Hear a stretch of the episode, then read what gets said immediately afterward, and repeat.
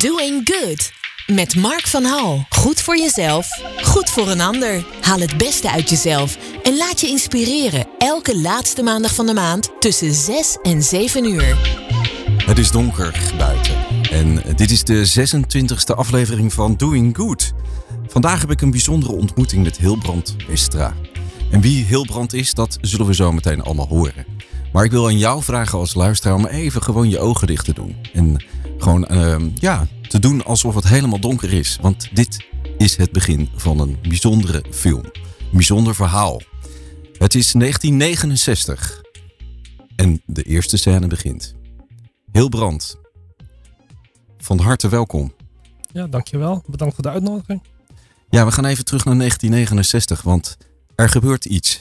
Jij wordt geboren. Ja, dat eh, schijnt feitelijk zo te zijn, ja. Ja. Ja, En ehm, kun je daar iets over zeggen? Want je had een andere naam. Ja, mijn eh, geboortenaam is Unsok. En eigenlijk mijn familienaam is Chong. Dus eigenlijk op zijn Koreaans zouden we zeggen Chong Unsok. En ik ben geboren op een koude winterdag. Het was 2 graden in Seoul toen ik geboren werd. Dus dat is wel interessant dat ik dat weet. Eh, Ik heb het vroeger ook opgezocht. Dus ik heb die weerrapporten kunnen zien. Vond ik interessant toch. Even die feitelijke dingen uit je geschiedenis, zeg maar. En welke datum? een beetje en het was een beetje koud. Dus dat was mijn geboortedag. En welke datum is jouw geboortedag? 5 november. 5 november. Ja. Dus niet zo lang geleden heb je je verjaardag gevierd. Ja, dat is correct. Ja, Ja? Nou, eigenlijk niet, want ik was aan het werk in Londen. Oh, je was in Londen. Maar het was koud. eh, brr, je hebt het even uitgezocht. dus de scène is een koude winterdag. Ja, je moet voorstellen, in Korea is de winter anders dan in Nederland. Het is echt een beetje droge kou. Dus voor de veel Nederlands is de Koreaanse kou echt koud, snijdend zeg maar. En wo- woei je een eh, windje door de stad. En het was in een oude wijk. Eigenlijk de wijk bestaat helaas niet meer, tenminste de oude wijk niet. En eh, er was veel armoede en ellende eigenlijk. En daar kom je dan. Tussen de armoede en ellende. Mhm. En je hebt daar een aantal jaar gewoond. Ja, Kun je iets zeggen over, over je... Weet je iets over je gezin van herkomst?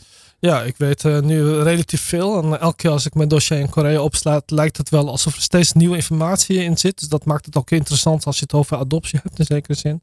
Een groeiend dossier, dat is heel raar, want eigenlijk zou het dossier het dossier moeten zijn. Maar eh, ja, ik ben een, eh, de jongste zoon van een samengesteld Koreaans gezin van twee vrouwen, waarvan mijn moeder de laatste vrouw zover dat weten. En zij heeft vier kinderen gekregen, waarvan ik één ben. En mijn zus en ik, mijn jongere zus en ik, zijn in 1973 naar eh, Nederland geadopteerd. En daar kom je dan. Hè? Je wordt uit, uit een systeem gehaald. Hè? Want Mhm. eh, het, het, een cultuur. eh, en je wordt eh, eruit gehaald. En je komt in een compleet andere wereld terecht. Ja. Ja. Ja. En je bent drie, twee, drie jaar. Of, Ja. ja. Ja, Weet je daar nog iets van? Of kun je Nou, nog iets ik van dacht herinneren? vroeger dat ik er helemaal niks van wist. Maar toen ik zeg maar weer terug was in Korea voor de eerste keer. Toen begon op de even niet dat die film. want Je bent net begonnen met een film. Begon de film opnieuw af te spelen. Dus ik kreeg maar beelden, geuren en kleuren. Dus mijn hersenen hebben dat schijnbaar heel. Of mijn lichaam liever gezegd. Die heeft dat opgeslagen.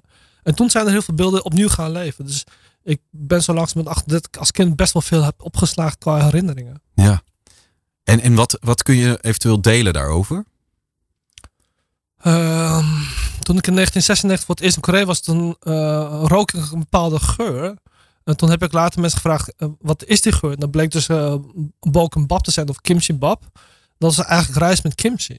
En als je geen eh, geld of weinig geld had, dan was dat een soort zeg maar gerecht wat je kon maken. Want kimchi was niet duur, rijst ook niet. Dus toen ik terug was in 96, toen rook ik die geur.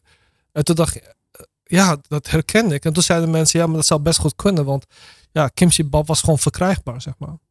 Dus met de geur werd je geconfronteerd met iets wat je herkende. En, Ja, dus ik dacht, hé, hey, dat is apart. Ik heb die geur natuurlijk in Nederland nog nooit geroken. Dus eh, pas in 96 begon dat weer te leven. ja. En eh, nog een, ander stukje van de film. Nou, bijvoorbeeld dat ik eh, de speeltoestellen van het kinderthuis van Korean Social Service Plossing letterlijk zag. Hè, en dat ik zei, maar dat ken ik toch ergens van. En, maar ik kon me niet herinneren dat ik daar ooit foto's van had gezien. Dus ik dacht, ja, mijn gedachten hebben dat schijnbaar opgeslagen dat ik daar ben geweest. En doordat je dat, dat soort fragmenten ziet en voelt, kan je niet anders, tenminste als ik het zo eh, hoor, kan je niet anders dan vaststellen dat je als heel klein kind toch al heel veel hebt opgenomen. Ja, ik, ik ben ook een beetje eh, kritisch geworden van mensen zeggen, ja, hoe jonger je kinderen adopteert, hoe minder het kind onthoudt. Want mijn vrouw die is geadopteerd als baby, maar als ik zie hoe ze met haar familie in Korea omgaat, haar lichaam die echt maar in het eh, oorspronkelijke systeem inmorgt, weer terug eh, beweegt, Dat ze dezelfde soort beweging maakt als haar vader. Dat ze de relatie met haar moeder op, een- op een natuurlijke wijze volbrengt, fysiek en emotioneel, dan die ik in Nederland nooit gezien heb. Ja, die is hier als baby gekomen. Mhm. Maar eh, het jezelf zeg maar toekennen aan je lichaam. En dat dat lichaam wijs en gezond is van oorsprong. Dat geeft je ook de mogelijkheid om die bewegingen te ervaren en te voelen. Dus eh, ik ben eigenlijk van overtuigd geraakt dat wij als kinderen en als baby's al heel, heel veel meekrijgen. En wat voor een impact heeft het dan? Hè? Als je dan naar iets anders, naar een totaal anders systeem gaat dan familie. Ja, dat heeft een traumatische impact. En er zijn gelukkig wat meer therapeuten, onderzoekers die dat nu ook onderkennen. Paul Sutherland is er een van het Verenigd Koninkrijk. Die ook gezegd heeft, je moet je voorstellen, je neemt het kind weg uit die oorspronkelijke omgeving. Maar het lichaam eigenlijk geprogrammeerd is voor het voedsel, de klimaat, de taal, de, de sfeer. Ook de energetische sfeer van het land en de grond waar het kind op geboren is. Uh, de, de ademhaling van de moeder, de huid en de geur van de moeder. En die komt dan plotseling binnen 24 uur tijd in de andere kant van de wereld waar alles diametraal anders is. Dus totaal geen herkenning. Dus dat doet iets met het lichaam van het kind. Ja, en dan sta je opeens op een hele andere manier op een familiefoto. Ja, We gaan even luisteren naar een prachtig nummer.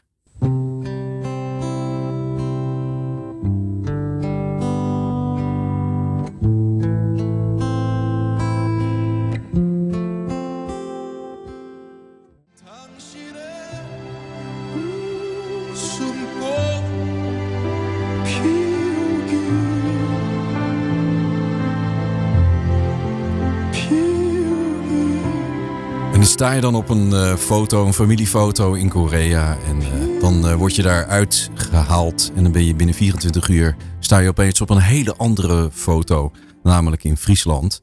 Ik praat met Hilbrand Westra. Want inmiddels heb je die naam gekregen, Hilbrand. Ja, ja. Hè, op, het, op het moment dat je geadopteerd wordt, eh, is je naam veranderd. ja 90% van geadopteerden krijgen een, een naam naar het land waar ze naartoe worden geadopteerd. Ja, Ja, en hoe Fries is de naam? Dus, de, de, ja die is vrij Friese Fries. kan er niet. Ja, klopt, Ja. ja. Ja, vrij Fries Germaans zelfs. Ja. Ja. En eh, kun je wat zeggen over eh, de, familie waar je. Want je, je bent daar de eerste van een uiteindelijke reeks van acht kinderen die geadopteerd is. Um, uh, kun je daar iets over zeggen? Waar kwam je terecht? Nou, even een kleine aanvulling. Ik werd niet uh, naar Friesland geadopteerd. Wel door Friese ouders overigens. Ja. Um, ik kwam in Amsterdam aan. Want Amsterdam. zij woonden destijds zeg maar nog in Amsterdam. Okay. Uh, Oud-West, de Kinkerstraat. Misschien ken je het. Ja. Het is echt wel een beetje oud, oud Amsterdam. Hè? Ja. En uh, ik kwam op Schiphol terecht allereerst. En toen in de Kinkerstraat. En daar heb ik gewoond tot bijna mijn tiende. Oké. Okay. En daarna zijn zij weer teruggegaan naar hun roots in Friesland. Dus mijn adoptieouders zijn teruggegaan naar de geboorteplaats van mijn adoptiemoeder, Oosterberum. En uh, daar heb ik gewoond tot mijn achttiende. Ja. Maar je komt dus in de, in de hoofdstad van Nederland terecht. Hè? Ja. Dus, uh, zeg van de miljoenenstad in de hoofdstad van Nederland. Ja, precies. Een van de kleinste Friese dorpjes die je kunt bedenken. Ja. Maar kun je iets over zeggen? Je, je komt dan uh, bij mensen die jou uh, hopelijk liefdevol ontvangen. Mm -hmm. En, en kun je, weet je daar nog iets van? Of, of... Ja, ja, ik weet er heel veel van eigenlijk. Ja? ja want dat, dat is eigenlijk in zekere zin wanneer je hersenen eigenlijk uh, acuut feitelijk worden. Hè? Want dat zijn dingen die gaan over overleving. Dus je, alles wat met overleving gepaard gaat, onthoud je vaak het beste. Dus daar weet ik best wel veel vanaf. Ja, dus je stond in een overlevingsstand. Ja, je moment. hebt het nu pas uh, door. Want vroeger deed je dat gewoon. Kinderen doen dat gewoon. Hè? Die denken niet, oh, is dit nou overleving of niet? Nee. Kinderen zeggen, ja, uh, wat gebeurt er nu? Wat ga ik doen? Ga ik rennen, vluchten of bevriezen? Of uh, als je laat wat ga je leren onderhandelen? Dat is ook nog een overlevingsinstinct. Hè? Of je gaat je aanpassen. Noemen Engels noemen ze dat fawning. Hè? Dus je, please, om het mij met volksmond te zeggen. Uh, ik ben heel erg voor mijn zusje gaan zorgen. Dus uh, dat is eigenlijk waar ik het in gevonden heb heel lang. Je zusje? Ja, want ja. ik kreeg de opdracht mee vanuit mijn Koreaanse moeder van pas goed op Jumin. Dat was mijn zus.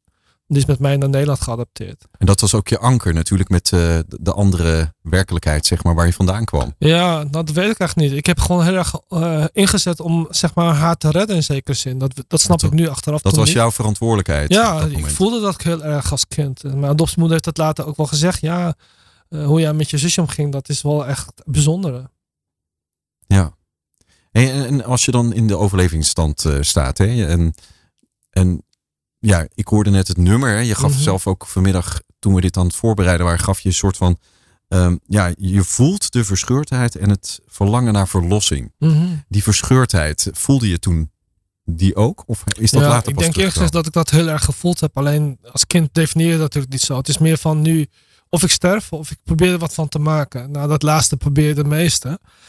We weten overigens ook dat geadopteerde kinderen in vliegtuigen zijn overleden die gezond in die vliegtuig zijn gegaan. Ja. Dus sommige kinderen hebben schijnbaar in de stress besloten om niet langer te leven. Dus dat is ook een verhaal wat bijna nooit gedeeld wordt.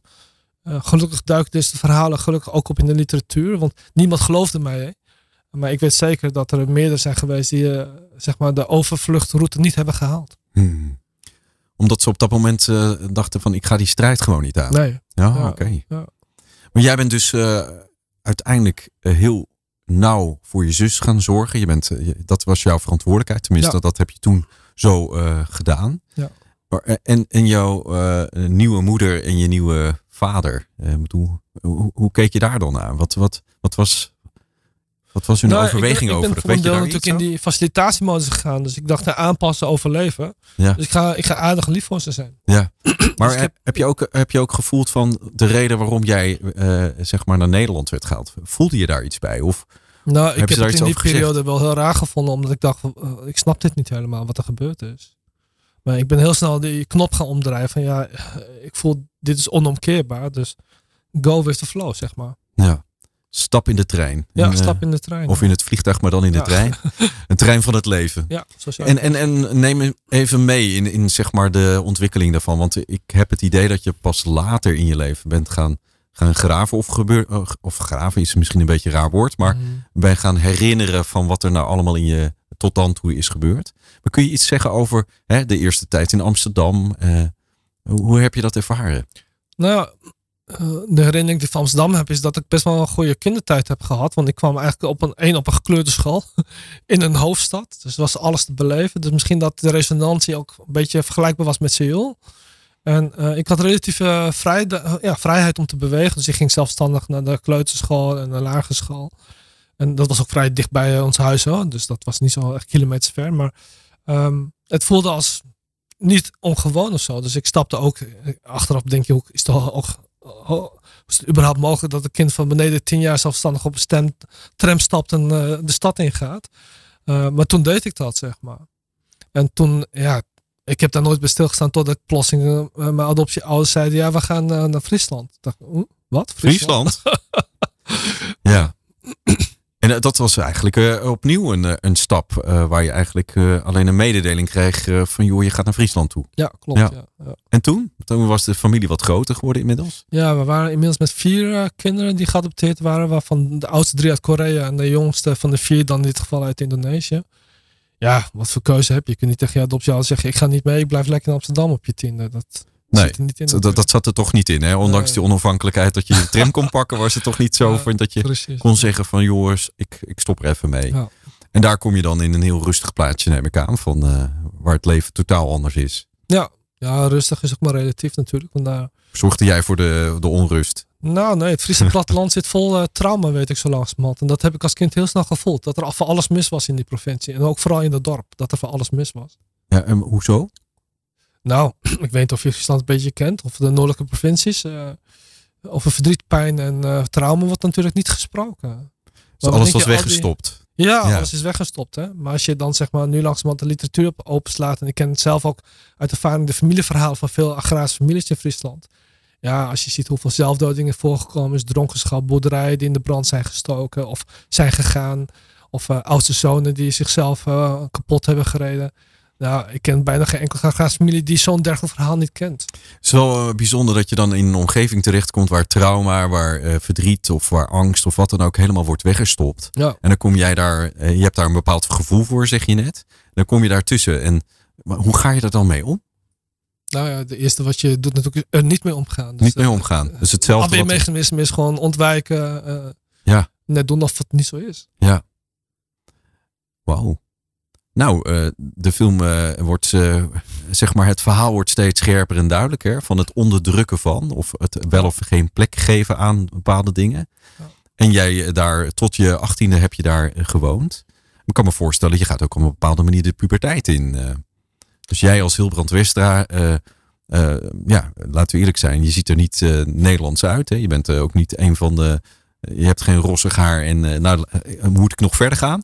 Blond was het meestal. Ja, precies. Maar, ja, ja, precies. Dus, eh, dus hoe, hoe eh, een, eh, iemand die in de puberteit schiet, wat, eh, wat, wat gebeurt er dan met je? Want die hormonen razen door je lijf. Nou, ik denk dat mijn hormonen pas heel laat op gang zijn gekomen. Dus, eh, Sniepen een beetje. nou, kijk, kinderen die overleven, die maken in principe zeg maar, meer eh, eh, cortisol aan dan testosteron.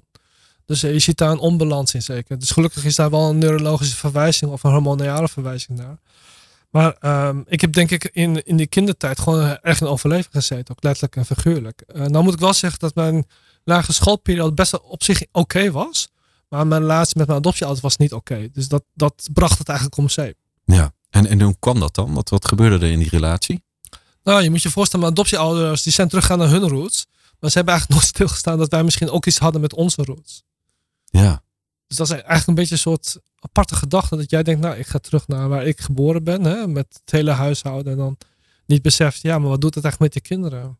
Ja, nou ja, wat, wat je vertelde in Amsterdam had je misschien nog een stukje van de spiegel van de herkenning. Hè? Van dat je, dat je allerlei verschillende mensen om je heen had. En dan kom je in een heel nauw, eh, ja, wat, wat enger beeld van. Nee, ik zeg niet eng qua eng, maar gewoon wat, wat minder divers beeld. En dan kun je jezelf helemaal niet herkennen. Dus, Ja, dus wat je nu zegt over je roots is de- dan eh, eh, misschien toch wel een gemis aan herkenning op, dat plek, op die plek waar je dan op dat moment bent. Ja, aan de kant is dat absoluut waar. En we herkennen het ook uit eh, reacties van andere geadopteerden eh, in Nederland en de rest van de, van de wereld natuurlijk. Maar ik denk ook als geadopteerde heb je jezelf zelf geprogrammeerd dat je ook absoluut stelt dat die kans er wel was dat je daar absoluut niks mee zou willen hebben. Want alles wat een malke spiegel zou kunnen zijn, is het niet de medewerker van het Chinese restaurant in een stadje verderop. Of eh, de toevallige geadopteerden uit Zuid-Korea die daar ook rondliepen. Dan was het niet zo van, oh gelukkig het zijn meer. Maar het was meer, oh don't come too near. Nee, nee. En je had nog steeds eh, de, de, de andere eh, broers en zussen, zeg maar, om je heen. De geadopteerde broers en zussen. Ja, ja, precies. Ja, maar die waren zodanig opgegaan in het Friese eh assimilatiesysteem. Die hadden er 300% niks mee, zeg. Nee. En, en jouw zusje dan op dat moment? Ja, ik denk mijn zusje, die toen de, de naam Rut droeg, die heeft er heel erg onder geleden. Dat, dat besef ik achteraf. Nu snap ik ook wel waarom ze zich zo gedroeg zoals ze zich droeg. Toen dacht ik, oh, wat ben jij moeilijk. Wat ben je moeilijk. En Ja. ik die eh, vanaf het begin eh, zeg maar ook de verantwoordelijkheid op me heb genomen om voor je te zorgen. En wat doe je dan moeilijk? Eh, was dat nou, dat ook, maar ik begreep ook niet waarom ze zo, soms zeg maar helemaal niet het gevoel had dat ze gelukkig was. Want ik zei, nou ja, weet je, dit is het leven, dus pas je aan, doe niet zo moeilijk. Ja, pas je aan en doe niet zo Ja. moeilijk. Ja. Ja, en dan, dan, ja, dan komt er bij mij het woord liefde naar voren. Voelde je toen op dat moment liefde? Voor mijn zus. Ja, of voor, voor, voor om je heen? Ik bedoel, Nee, ik denk het niet. Maar ik had wel heel veel liefde voor mijn zus. Dat heb ik nog steeds. Ze leeft helaas niet meer. nee. Maar ik heb altijd heel erg van mijn zus gehouden. Dus ja. dat, was dat ook iets wat je op de been hield? Of? ja, ik denk achteraf dat het een soort, eh, noem je dat? Een soort spoor naar de liefde was. Van dat, wat, dat was nog een teken dat zoiets bestond in mijn leven. Ja. Wow. We gaan even luisteren naar Robbie Williams. to Love Somebody.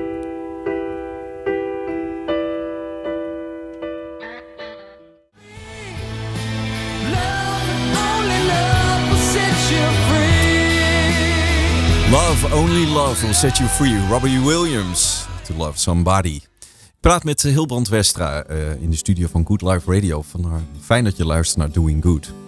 Ehm, ja, eh, Hilbrand is eh, inmiddels eh, 18 jaar en ja, woont met zijn, met zijn gezin of met zijn familie. Of ja, hoe noem je dat eigenlijk dan waar Ja, je zit? adoptiegezin. Adoptiegezin, ja. In, in een plaatsje in Friesland en een heel ander systeem weer. En je vertelde net iets over de liefde voor je zus. Hè? Dat dat toch een, een soort van eh, lijn eh, is en bleef totdat je zus is overleden. Wanneer is je zus overleden trouwens? Eh, ze is verongelukt in 1995. 95. ja. Oh, wow. Nou, dat, dat, is, dat heeft ook impact, kan ik me Ja, voorstellen. zeker. Ja. Ja, Zeker omdat ik in die periode gestationeerd was als VN-soldaat in Bosnië. Dus ik ben er echt teruggevlogen om haar te begraven. wow. Ja. En maar voordat we naar Bosnië en dat moment gaan. Ehm, wa- wat, wat gebeurt er dan vanaf je achttiende eh, als je weggaat uit het plaatsje waar je dan... eh, Ja, thuis- eigenlijk was ik wel blij. Misschien kun je iets bij voorstellen. ja, ja, Ik ging naar Groningen om te studeren. Groningen, ja. En eh, dat was toch ook weer een stad. Alhoewel, het is eigenlijk Groningen is een dorp hè, als je achteraf daarop terugkijkt. Maar Ja. goed, toen was het in ieder geval groter dan die Een groot dorp. ja. groot. Ja. Ja, dus ik heb eigenlijk best wel een nou, relatief goede tijd gehad in de stad Groningen. Toen ben je, ben je gaan studeren. Heb je van alles en nog wat eh, gedaan. Wat heb, je, wat heb je voor studie gedaan? Ik heb eh, destijds, de, dat heette toen nog personeel en arbeid. Tegenwoordig zou je dat de opleiding voor eh, HR-manager noemen. Zou je dat, Ja. Dus je bent met mensen aan de gang gegaan eh, Nou, als organisatie. HR-manager. Ik heb de harde kant gekozen. De harde kant? kanten op. De sociale kant, dat noemden we de geitenwolle Oh ja, eh, nee, die hoek, zeg maar. Nee, Die, die vond ik niet zo interessant. nee, nee. Dus ik ben echt meer richting eh, de organisatiekant, eh, organisatie en management. En vroeger heette dat management organisatie. En ik heb heel specifiek de afslag gekozen voor fusie en reorganisatie. Fusie en reorganisatie. Ja. Wauw, dat is ook interessant hè. Fusie bij elkaar komen en Ja. reorganisatie het systeem een beetje veranderen Ja. of eh, opschudden. Ja. Heb je lange tijd gedaan hè, voor verschillende organisaties? Ja, ja ik, ben, eh, ik had een geluk omdat eh, ik, ik mocht eh, terugkomen bij mijn stageorganisatie. Friesland Coberco gegeten destijds. Nu eh, Royal Friesland Dairy Foods. Daar heb ik echt een hele goede periode doorgemaakt om vanaf junior level tot zeg maar eh, zelfstandige HR-adviseur te kunnen werken. Ja. Hey, en, en zeg maar de tijd die je net noemde in Bosnië, dat, dat, dat komt daar tussendoor? Of? Ja, dat komt er tussendoor. Ja. Eigenlijk tussen mijn stageperiode Ja. en toen ik weer terugkwam om te gaan werken. Ja. Ja, is toch ook wel een, eh, een opmerkelijke fase in je leven dat je, eh, dat je, gaat, dat, dat je ergens bent om zeg maar iets te verdedigen of Nou ja, jullie weten langzamerhand allemaal wel, we hadden niks te verdedigen. nee. We mochten ook niks verdedigen. Dus de Nederlandse staat heeft er goed voor gezorgd dat we ook niet konden verdedigen. Ja. Dus eh, als je daarop terugkijkt, denk ik, ze hebben ons eigenlijk eh, opgegeven. Want we hebben, ja, noem je dat, een, Mission Impossible gekregen. Ja, maar je zat er wel in, in die mission. Ja, Impossible. zeker. Ja. Maar wat was jouw overweging om daarin te stappen? Nee, ik moest in militaire dienst. Ik was de laatste lichting. Dus dat had ik Oh, lekker dan. pech mee. Ja, Dus eh, ik heb geprobeerd op een nette manier ervan af te komen. Maar dat hielp dus niet. Dus ik moest gewoon naar de keuring. ja. En toen zei ik tegen mezelf, als ik dan toch moet. Ik heb geen zin om twaalf maanden op mijn neus te lopen. eten. Dus dan dienst. frikandellen eten, zeg Ja, maar. precies. Ja, dat willen we niet. Ja, Nee. Dus ik dacht, ja, dat ga ik niet doen. nee. Dus eh, toen dacht ik, nou, ik ga bij de commando's. Maar die inschrijving was eh, al gesloten voor dienstplichtigen, want die gingen afbouwen immers. Nou, en dat geld gold voor de mariniers en de marechaussee gold het ook. Dus alle interessante onderdelen waren niet meer toegankelijk voor dienstplichtigen. Zeiden ze tegen mij, ja, als je dan toch iets wil, je kunt wel inschrijven voor de uitzending. Toen heb ik dat direct gedaan. Ja. Maar alle mogelijkheden werden je ontnomen, zeg maar, waar je... eh, maar ik Ja, hoor... je, had, je had ook naar, eh, bijvoorbeeld naar, eh, naar de Harskamp gekund of Ja. waar dan ook om gewoon drie maanden basisopleiding gewoon de rest van het jaar gewoon uit te zitten. Dat had ook gekund. Maar je koos wel voor iets, wat je zei, de organisatie, zeg maar, kunde HR. Dan zorg je Mhm. voor de harde kant. Nou, Ja. eh, commando's, mariniers, nou, dat, dat lijkt me ook niet echt iets voor, voor geitenwolle sokken, watjes, eh, wa- wat Ja, dan ook. Ik bedoel, wa- wat, wat maakte dat, dat je die kant op eh, wilde?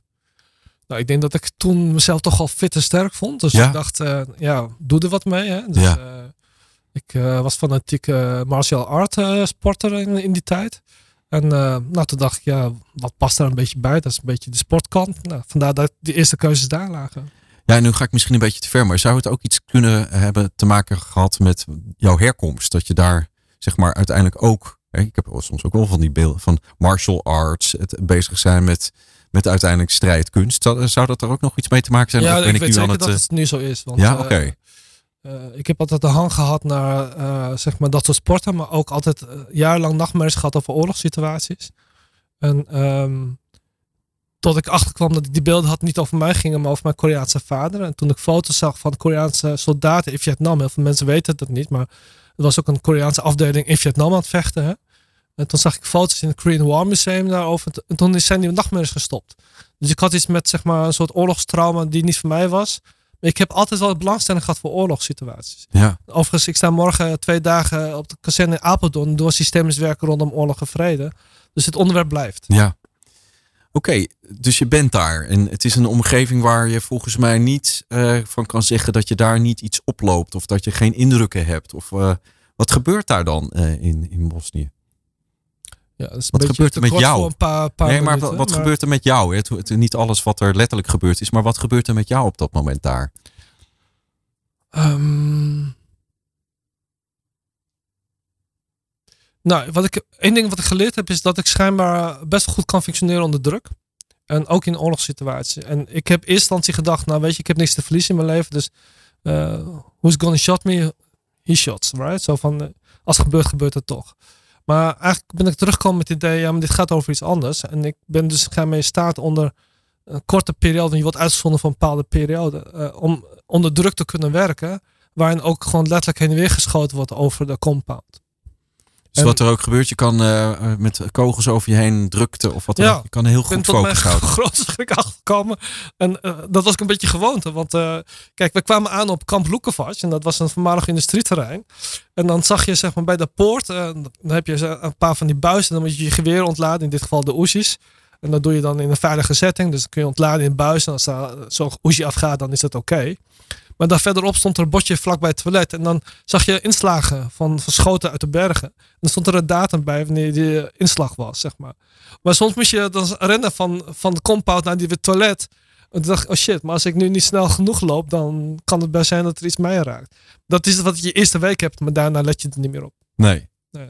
Nee, want ja. Ja, dat was gewoon. ja, dat was onderdeel, part of the deal, ja. ja. Oké, en dan kom je terug van die ervaring en Ja. dan?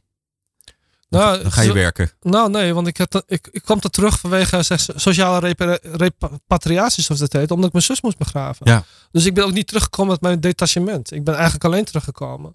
En daarna heb ik zeg maar verlof gekregen op psychologische gronden. Oké, toen was het ook, eh, zeg maar, het dood van je zus had er tot gevolg eventjes... eh, Ja, ik had misschien, geloof, wat was het, geloof drie, of, eh, drie weken of nog een maand Ja, ja. te gaan. En toen heeft eh, de Sociaal-Psychologische Dienst van de Defensie heeft mij gewoon verlof gegeven tot de eindtijd. En wat heeft de dood met, van je zus uiteindelijk met je gedaan? Want het lijkt me heel verdrietig. En ook, eh, zeg maar, als je het zo beschrijft, hè, dat het voor jou de soort van navelstreng was naar eh, eh, de een soort van commitment richting ook je moeder. Hè, dat je voor je zus eh, zou moeten zorgen.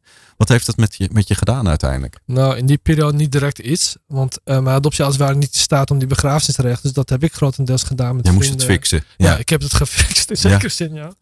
Maar die klap is pas achteraf gekomen. ja. Ja. Oké. Dan begraaf je je zus en dan ga je verder. Ja, dat is wel het eerste idee. Dus Ja. ik, vervol- ik ben gaan- een vervolgstudie gaan doen in Amsterdam. Tegelijkertijd gaan werken. En wikkelen, gewoon lekker doorgaan. ja, gewoon doorgaan. Want ja. als ik dan eventjes eh, doorspoel hè, naar verschillende opdrachtgevers of banen die je hebt gehad. Nou, dus een flinke lijst. Dat zijn toch eh, Ja. best wel vooraanstaande eh, eh, organisaties waar je hebt Ja, gewerkt. klopt. Ja. En toen ben je, ben je gewoon een tijdje doorgaan eh, gegaan met Ja. dat harde werken. Ja, hard werken. En het eh, bijna op zijn vries wegstoppen van alles wat je hebt meegemaakt of wat je Ja, hebt dat gedaan. niet, want ik, ik, ik, ik, ben, ik weet zo langzamerhand, dan durf ik hier ook gewoon eh. Ik ben gewoon een hele emotionele man. Ja.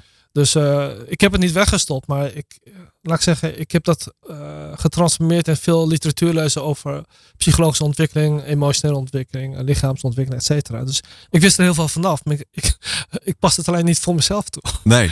Dus ik kon iedereen vertellen hoe het werkte, Ja. maar ik deed het niet voor mezelf. Nee. En wat word je dan? Wat, wat, hoe zou je Nou, heel sterk. Word je sterk? Ja, alleen Ja, ja. je vergeet even dat er een fundamentele trauma beweegt in je lichaam. En daar kom je pas later achter. Ja. Kun je daar ons eh, even naartoe brengen? Want eh, na- naar, naar, dat, naar de, zeg maar, het, het opengaan van dat, eh, van dat stuk trauma. Hoe je daar zelf dan uiteindelijk mee om bent gegaan. Want je bent op een gegeven moment naar Duitsland gegaan. En heb je systemisch werk ontdekt. Ja, dat is wel de keerpunt in mijn leven geweest. Ja. Mhm. Ja, En wat, wat heeft je naar, naar, dat, naar die plek getrokken? Wat, wat was de trigger om Nou. daar naartoe te gaan? Een van mijn beste vrienden, Rick, eh, we zijn nog steeds hele goede vrienden. Die zei, ah, Hilbrand. eh hij was trouwens een collega van mij in het HR-veld. Hij was toen eh, Management Development Manager van de Fortis Groep, toen die nog bestond, in, hier in Utrecht. En eh, toen zei hij, ja, ik heb, ik heb iets leuks of interessants. Volgens mij vind jij dit ook super gaaf. Ga je mee? Ik zei, nou, wat is dat dan? Ja, we gaan familieopstellingswerk doen in Duitsland. Toen zei ik tegen hem, ja, ben je helemaal gek. Ik had wat hele gekke dingen gelezen over die methode. Ik denk, allemaal nooit niet. Maar toen zei hij, nou, volgens mij zou het voor jou eens heel goed kunnen zijn. En ik, ik kende hem lang genoeg dat ik dacht, ja, maar als hij dat zegt, dan zit er waarschijnlijk eh, eh, een reden achter. Dus ik ga met hem mee. Je vond het wel spannend? Of, eh, Nou, eigenlijk niet. Ik dacht, Nee. nou ja, dat ik was ook, trainingen gewend. dat had ik ook verwacht. Ja. Zo van, nou ja, oké, let's go. Let's see. go. Ja, bedoel, je bent toch al voor hetere vuren geweest. precies, dus dat, dat zal dan ook wel meevallen. En dan kom je daar. Ja, en eerlijk gezegd is toen de wereld omgedraaid. De wereld is omgedraaid. En wat, wat bedoel je daarmee? Nou, ik kwam in die eh, setting terecht met eh, eh, mijn leraar Wolfgang. Hij leeft helaas niet meer. En wat ik zo intrigerend vond, dat ik al de disciplines die ik interessant vond in de wetenschap vooral, die kwamen allemaal plotseling bij elkaar. denk ik, ja, dat kan niet waar zijn. Je kunt niet al die disciplines in één werkmethode terugvinden. Maar dat gebeurde wel. Plus niet- het feit dat mijn emotie werd aangeraakt. Dus mijn hart die werd echt nou, flink toegetakeld, zeg maar. Emotie werd aangeraakt. Ja. En jij, jij, je omschrijft jezelf als een emotionele man. Maar Ja. tot dat moment had je die emoties nog niet, eh, gevoeld? Of had je Ja, die geen- natuurlijk wel, maar misschien herken je het wel. Dat, dat wij mannen de neiging hebben om die emotionele kant in die private setting eh, te behouden. En niet zeg maar te delen als een normaal sociaal eh, interactie met mensen. Nee. Wauw. Ja. En dan zeg maar, je komt dan in een setting waar alle theorieën en. Nou, niet eens theorie. Hij deed het gewoon. Hij liet gewoon zien hoe het werkte. hij- ja, maar jij had erover gelezen. tenminste. ja, dat wel. Ja. Ja, je had alles gelezen. was ik dan natuurlijk ook wel. Ik je had alle ingrediënten, recepten enzovoort had je allemaal gelezen, Ja, maar je had het nog niet bij elkaar zien komen. Ja, precies. Ja. Kun je iets over zeggen? Want Wolfgang, wat is eh, eh, zijn achternaam? Eh Koenigshaus. Ja. En, het was een, een nageslacht van Poolse Duitse voorouders. Ja. En een van zijn eh, familietak kwam uit Silesië. Dat is wat nu de, een deel van Polen geworden is na de Tweede Wereldoorlog. Dus hij had zelf ook een eh, geschiedenis van verdreven volkeren in zich. En eh, de oorspronkelijkheid verliezen. Dus misschien is dat wat bij ons ook klikte samen. En hij was getrouwd met een Nederlandse Indonesische vrouw. Eh, ja, nou ja, kent een beetje nu langs de geschiedenis van Nederlands-Indië. Dus hij had ook een geschiedenis van verdreven zijn en ontheemd zijn. En dat heeft ons bij elkaar gebracht. Alleen, ja, hij kende het werk wat ik toen nog niet kende. Op het gebied van eh emotioneel lichaamswerk. Wat zeg maar in beeld komt als je familieopstellingen gaat doen. Mhm. En wat, heb je, wat, heb je, wat is er voor jou ontvouwd vanaf dat moment? Nou, dat klinkt misschien heel, eh, heel apart als je er nu over eh, spreekt. Omdat nu is het zo gewoon tegenwoordig. Maar ik kwam erachter dat ik totaal geen relationele betrekking met mijn oorsprong wou. Je wilde niet gewoon. Nee, Nee. Oké. nee. Wa- en Weet je waarom dat was? Nou, zo had ik het ook geleerd. De Nederlandse cultuur stamt je heel goed in. Eh, je bent nu hier, je bent nu Nederlander. En alles wat vroeger was, ja, dat is ballast. Dus eh, doe normaal en eh, doe mee. Ja, maar ondertussen had je die ballast wel ergens eh, opgeborgen, neem ik aan. Ja, dat bleek achteraf. Ja. Ja. Ja. En, en hoe, diep was het, hoe, hoe diep was de tas? Nou, Maar- ik denk nog, nog steeds tot de dag van vandaag heel diep. Ja? Ja. Oké. En hoe merk je dat dan? Ik bedoel, komt er Ja, iets, elke omdat keer iets omdat, uit die omdat tas? je terug- eigenlijk wat je van jezelf al kent, als die verscheurdheid waar we het net over hadden door het muziek van Kim Jin Ho. Ja, dat, de reden waarom ik geraakt werd door dat nummer, omdat ik voelde van, ja, dit gaat over mij. Ja, het gaat ook over jou Ja, het natuurlijk. gaat ja. ook over jou. ja, je staat niet op die foto waar je... Ja, precies waar ik had moeten staan. Ik heb, niet, ook, ik heb niet eens foto's van mijn ouders, dus dat is ook zo pijnlijk iets. Nee. Maar je weet inmiddels wel heel veel van, van je ouders of van je herkomst. klopt, ja. ja. Is dat in de loop der tijd opgebouwd? Of? Ja, ik heb mijn broer gevonden, 96. En die heeft heel veel gaten van mijn zogenaamde dromen die ik dacht te hebben eh, ingevuld en bevestigd. Dus wat, wat, wat was het voor jou? Dat, het was niet alleen maar, zeg maar een eh, connectie met je emoties. Of eh, dat, dat, hè, alles kwam bij elkaar, vertelde Mhm. je net. Een soort van kantelpunt geweest. Maar was het voor jou ook het ontsluiten van je, die relatie weer, eh, dat je die relatie weer aangaat met je oorsprong? Je zegt het eigenlijk heel mooi, want dit woord gebruik ik in mijn lessen ook. Hè? Dus, het, het ontsloot zich voor mijn ogen. Ja, En ik had nooit verwacht dat ik die ervaring ooit zou nog kunnen opdoen. nee. We gaan even luisteren naar een eh, nummer van Barbara Streisand. Niet van haar, maar ze zingt een gebed. En we gaan even kort luisteren naar dat gebed.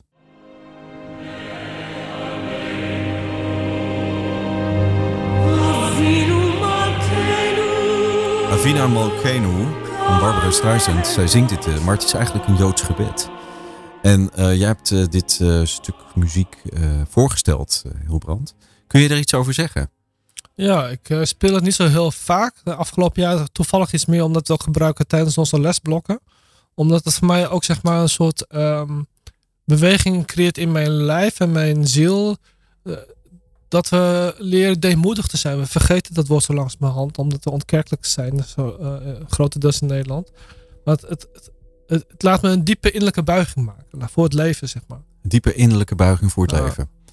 Ja, en eh, daar, dat, dat triggert mij wel. Hè? Want als je het hebt over buiging, dan kan je die eh, zeg maar vanuit jezelf maken. Mhm. Maar als ik jouw verhaal tot nu toe hoor, ben je toch op een paar moment- momenten gedwongen om die buiging te maken. Om, maar je bent wel weer steeds overeind gekomen. Je bent van systeem naar systeem naar systeem gegaan.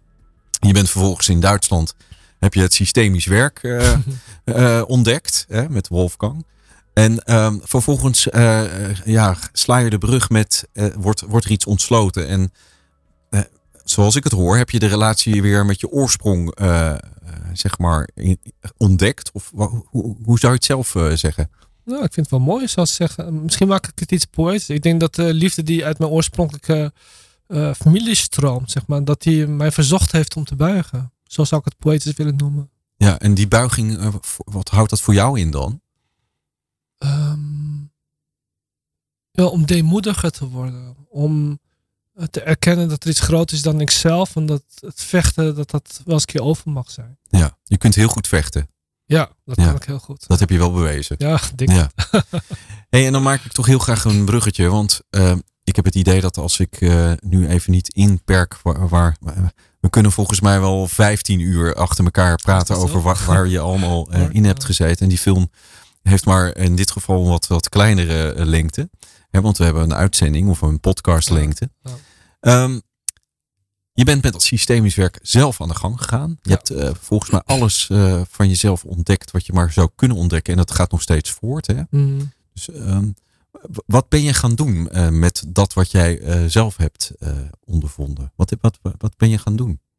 Ja, ik ben uiteindelijk eh, in 2009 zelfstandig gegaan. Dus uit het bedrijfsleven gestapt. Ik heb toen weliswaar een paar interim opdrachten nog gedaan voor de inkomsten.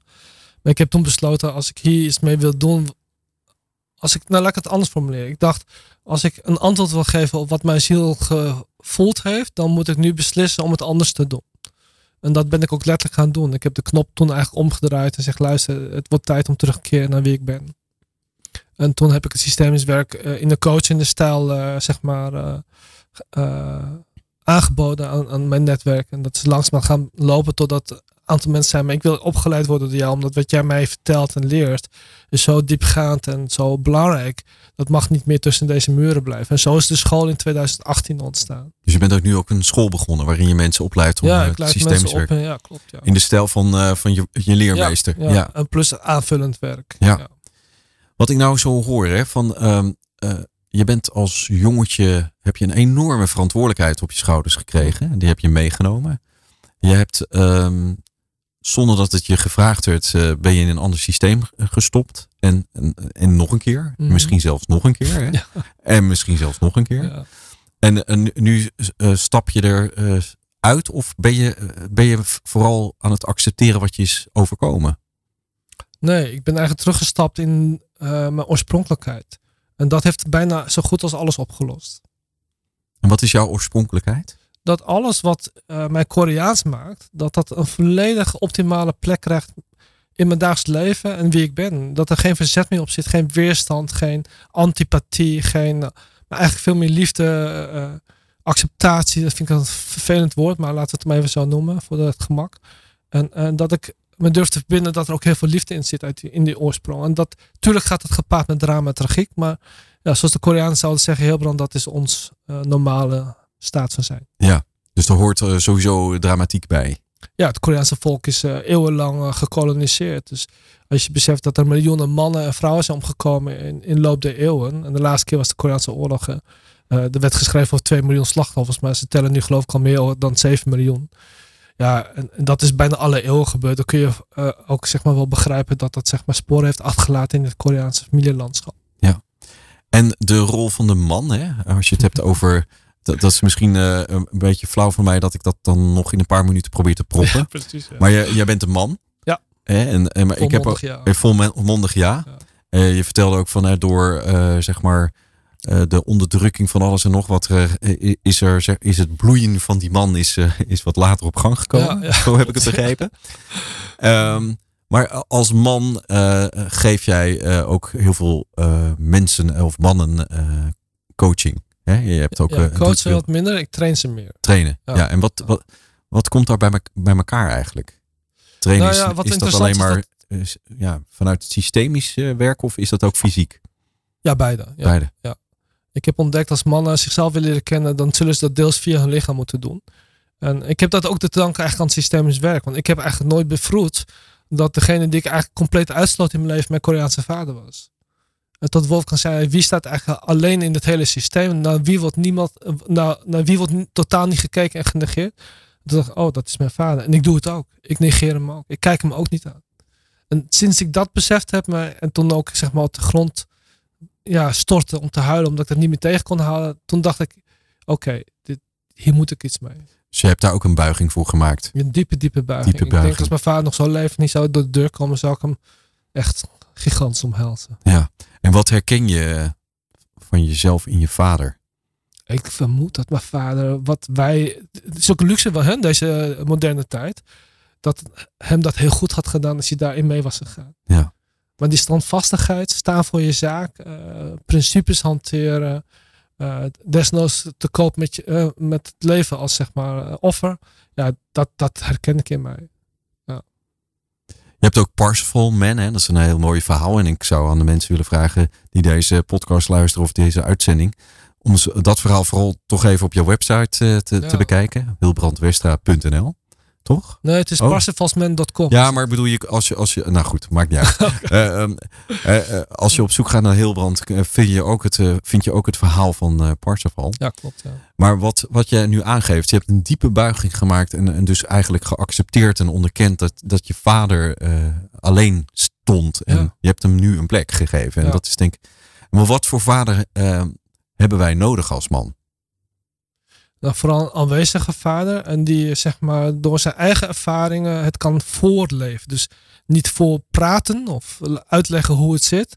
Maar echt voorleven. En, dat wordt zo weinig gedaan. Dus echt het in plaats van eh, ja, geen woorden maar daden. Dus Ja. laten zien Ja, dat het. Dat het ik eh, ben niet je vader. Ik ben de vader. ik ben de vader, ja. Ik doe niet. Ja, ik, doe, Ah. een- ja, ik ben de vader. Ja. er aanwezigheid. eh, ja. Ja. Ik kan me voorstellen, ik, ik, ik heb afgelopen eh, tijd ook veel gesprekken gehad met vaders of eh, mannen die een vader hebben gemist. Kijk, vaders doen hun best hè, op, eh, op de best mogelijke manier eh, dat ze denken dat. Maar de, het signaal is wel duidelijk. Ga staan. want want Nou, dat laatste ben ik niet met je eens. Ik denk dat heel veel vaders niet hun best doen. Oh, oké. En dat ze er ook niet op aangesproken worden. Dus ze- worden ook niet gemotiveerd om bij zichzelf na te gaan. Heb ik daar iets in te doen? Dus ik denk dat wel als volwassen mannen, want dat is de enige optie die we hebben. Om tegen vader te zeggen, je kan het beter dan dit. En dat is nou echt de formule, hè, de uitdaging die mannen nodig hebben om te laten zien dat ze man zijn. Hè? Ja. Daar, daar, daar die uitdaging en Ja. de grenzen opzoeken. Ja. Dus dat doe jij lekker met je werk.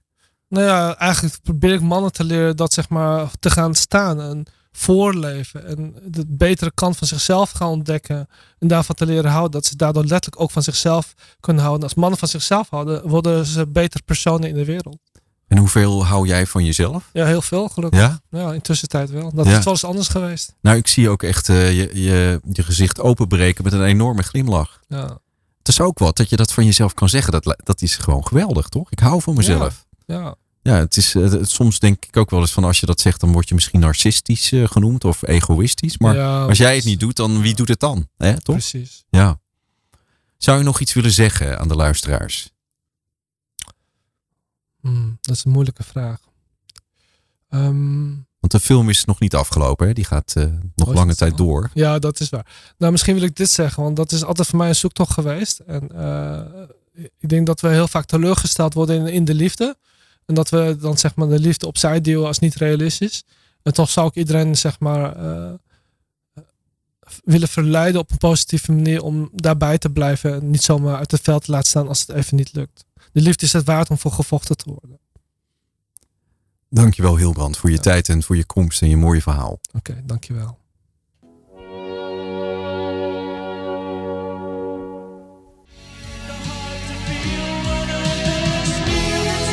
Ja, wat, eh, wat is het? eh, een prachtige uitzending weer van Doing Good. Het gaat over eh, van alles en nog wat. Maar de, de centrale lijn is van ook wel een beetje van To Be a Man. En To Be a Man was een eh, nummer van eh, Boston. Ik had hem eigenlijk nooit gehoord, maar ik was een beetje aan het zoeken vandaag naar een nummer dat gaat over To Be a Man. En het kwam Boston eh, tevoorschijn. En zo zie je maar, dan ontdek je door nieuwsgierig te zijn weer van alles en nog wat. En vandaag, het is zeg maar als we dit, deze uitzending hebben, is het 28 november. En dit is ook de dag dat Brian van Leeuwen eh, zijn eerste boek heeft uitgebracht. Ook daadwerkelijk in handen heeft gekregen. Hallo Brian. Hallo Mark, ik ben even een vreugdedansje aan het doen. Je kan het niet zien, maar Ja? inderdaad, het is een fantastische dag voor mij vandaag. Ja. Hé, maar eh, daar, daar heb je toch wel naartoe geleefd, hè? Naar de- het moment dat uiteindelijk jouw verhaal eh, op papier staat en ook eh, eigenlijk gewoon ja, nooit meer voorbij gaat. Want dat is er gewoon, dat verhaal. Dat is gewoon tastbaar. Ja, Dat neemt niemand meer van ons af. Hè? Nee, Er zeker. zijn ook wel Ja, tijden van jaar. boekverbrandingen geweest, maar Ja. daar ga ik het wel liever niet over hebben. Hé, hey, maar Brian, eh, hoe voelt het nou dat je dat boek gewoon ook gemanifesteerd hebt? Hè? Want dat was eh, de laatste keer dat wij in de uitzending Doing Good met elkaar spraken, was het, ging het over het manifesteren van je boek. En Ja. ja, hoe voelt dat nu? Tastbaar. Ja, het voelt echt lekker. Ja. Vanochtend, nee, vanmiddag werden de boeken geleverd. Ja. En om dan het eerste exemplaar in je handen te hebben. En dan gewoon te zien dat het een echt boek is. En dan het gevoel van, yes, ik heb het gewoon geflikt. Ja, Het is gewoon gelukt. En dat is zo cool. En ook al te beseffen dat ik vandaag al de hele dag aan het inpakken ben. En dat we gewoon al meer dan 220 boeken aan het versturen zijn. Dus dat is echt zo'n cadeautje. ja. Ja, je zorgt eigenlijk voor je eigen Sinterklaas. Eh, je bent echt aan het eh, inpakken en, eh, en zorgen dat, Ja. de mensen de boeken Ja. allemaal op, tijd krijgen. hey Brian, ehm, jij bent een man, hè? Dat, dat is, Ja. dat is één ding wat zeker is. Dat zien we wel. ik, heb, ik heb met Hilbrand gesproken over zijn bijzondere reis die hij tot nu toe heeft beleefd van Korea naar Nederland. Hoe is het met jouw roots? Ja, hoe, hoe is het met jouw roots? wortels, zeg maar? Zo. Ja, ik heb het laatste stukje geluisterd over eh, systemisch werken. En ik werk natuurlijk ook met de voorouderlijke lijnen, dus ik zag daar veel, ik hoorde daar veel overeenkomsten in. Maar mijn roots, mijn roots, oeh, dat vraagt me wel iets hoor. Ik, eh, ik ben de laatste tijd wel bezig om meer de mannenlijn aan het uittypen. Mhm. En ja, ik zie wat voor krachtige mannen er in onze lijn zitten. En ik denk dat ik daar op dit moment echt mijn diepe roots vandaan mag halen. Om me weer dieper te gaan verbinden met mijn voorouders, met mijn vader. En echt met die mannenlijn, om daar die kracht vandaan te halen. Ja, jij heet niet voor niks eh, van Leeuwen, beste man. Nee, nee, nee. Heb je ook het- niet, hè? Dat niet Heb, heb je het ook idee dat je meer van, eh, van zeg maar de, de, kleine, eh, het kleine welp naar de, naar de grote leeuw aan het eh, groeien bent? Of, eh, Ja, het kleine welpje is er ook nog wel hoor. Die Ja? houdt gewoon lekker van die speelsheid. ja. Maar ik voel wel die vlam van binnen, zeg maar. Dat het ik word steeds weer uitgenodigd om meer in mijn kracht te gaan staan. En niet vanuit die ouderlijke, mannelijke kracht, van, vanuit dominantie en ego, maar echt die, die nieuwe mannelijke kracht, waarin zachtheid er ook mag zijn. Ja, en ik heb ook wel gehoord eh, van Hilbrand geleerd vanavond dat je ook echt wel gewoon even die uitdaging aan mag gaan. Niet jij per se, maar eh, dat geldt voor iedere man. Om echt te gaan staan en af en toe dat ego te zijn. Om ook een voorbeeld te geven dat er grenzen zijn. Ook eh tuurlijk zachtheid Ja. is eh, heel fijn. En dat, dat kunnen we ook allemaal. Daar zijn we ook mee opgevoed. Hè? De zachte lijn ook van, van de moeder en, en ook van de Mhm. maatschappij. Maar we mogen ook gaan staan. En wat ik geleerd heb van jou, door dit boek te schrijven, dat ik heel graag ga lezen. Want ik, krijg, eh, ik ben hopelijk een van die 220 eh, ehm, betalende personen die dat, dat verhaal van jou ook eh, wil, wil lezen. Maar ik hoop ook wel dat door dit te doen, Brian, dat je ook laat zien dat je je eigen ego hebt. En dat, dat die mag gaan staan. En dat je ook een voorbeeld bent voor heel veel andere mannen die, die iets willen gaan manifesteren. Of dat nou een boek is, of een lied, of iets anders. Ja, ja je wordt, er wordt wel eens gezegd dat het ego er eigenlijk niet mag zijn, maar ik ben het daar niet mee eens. We hebben een ego nodig om de dingen juist te kunnen manifesteren, om de dingen neer te kunnen zetten. Nou, het is niet de bedoeling dat het ego zeg maar Brian leeft, maar dat Brian wel doorheeft dat hij een ego heeft en een bewustzijn en dat ik daardoor mijn keuzes kan gaan maken. Nou, Dat ik het ego ga gebruiken als hulpmiddel. Ja. En soms als eh, stootmiddel of eh, wat dan ook. Of, eh, maar je gaat ervoor. En ik wens je heel veel succes met het boek. En dank je wel dat je nog Dankjewel. even aandacht hebt kunnen geven aan, aan dit verschijnen en het manifesteren daarvan. Want het Graag had gedaan. zomaar anders kunnen lopen, toch? Precies.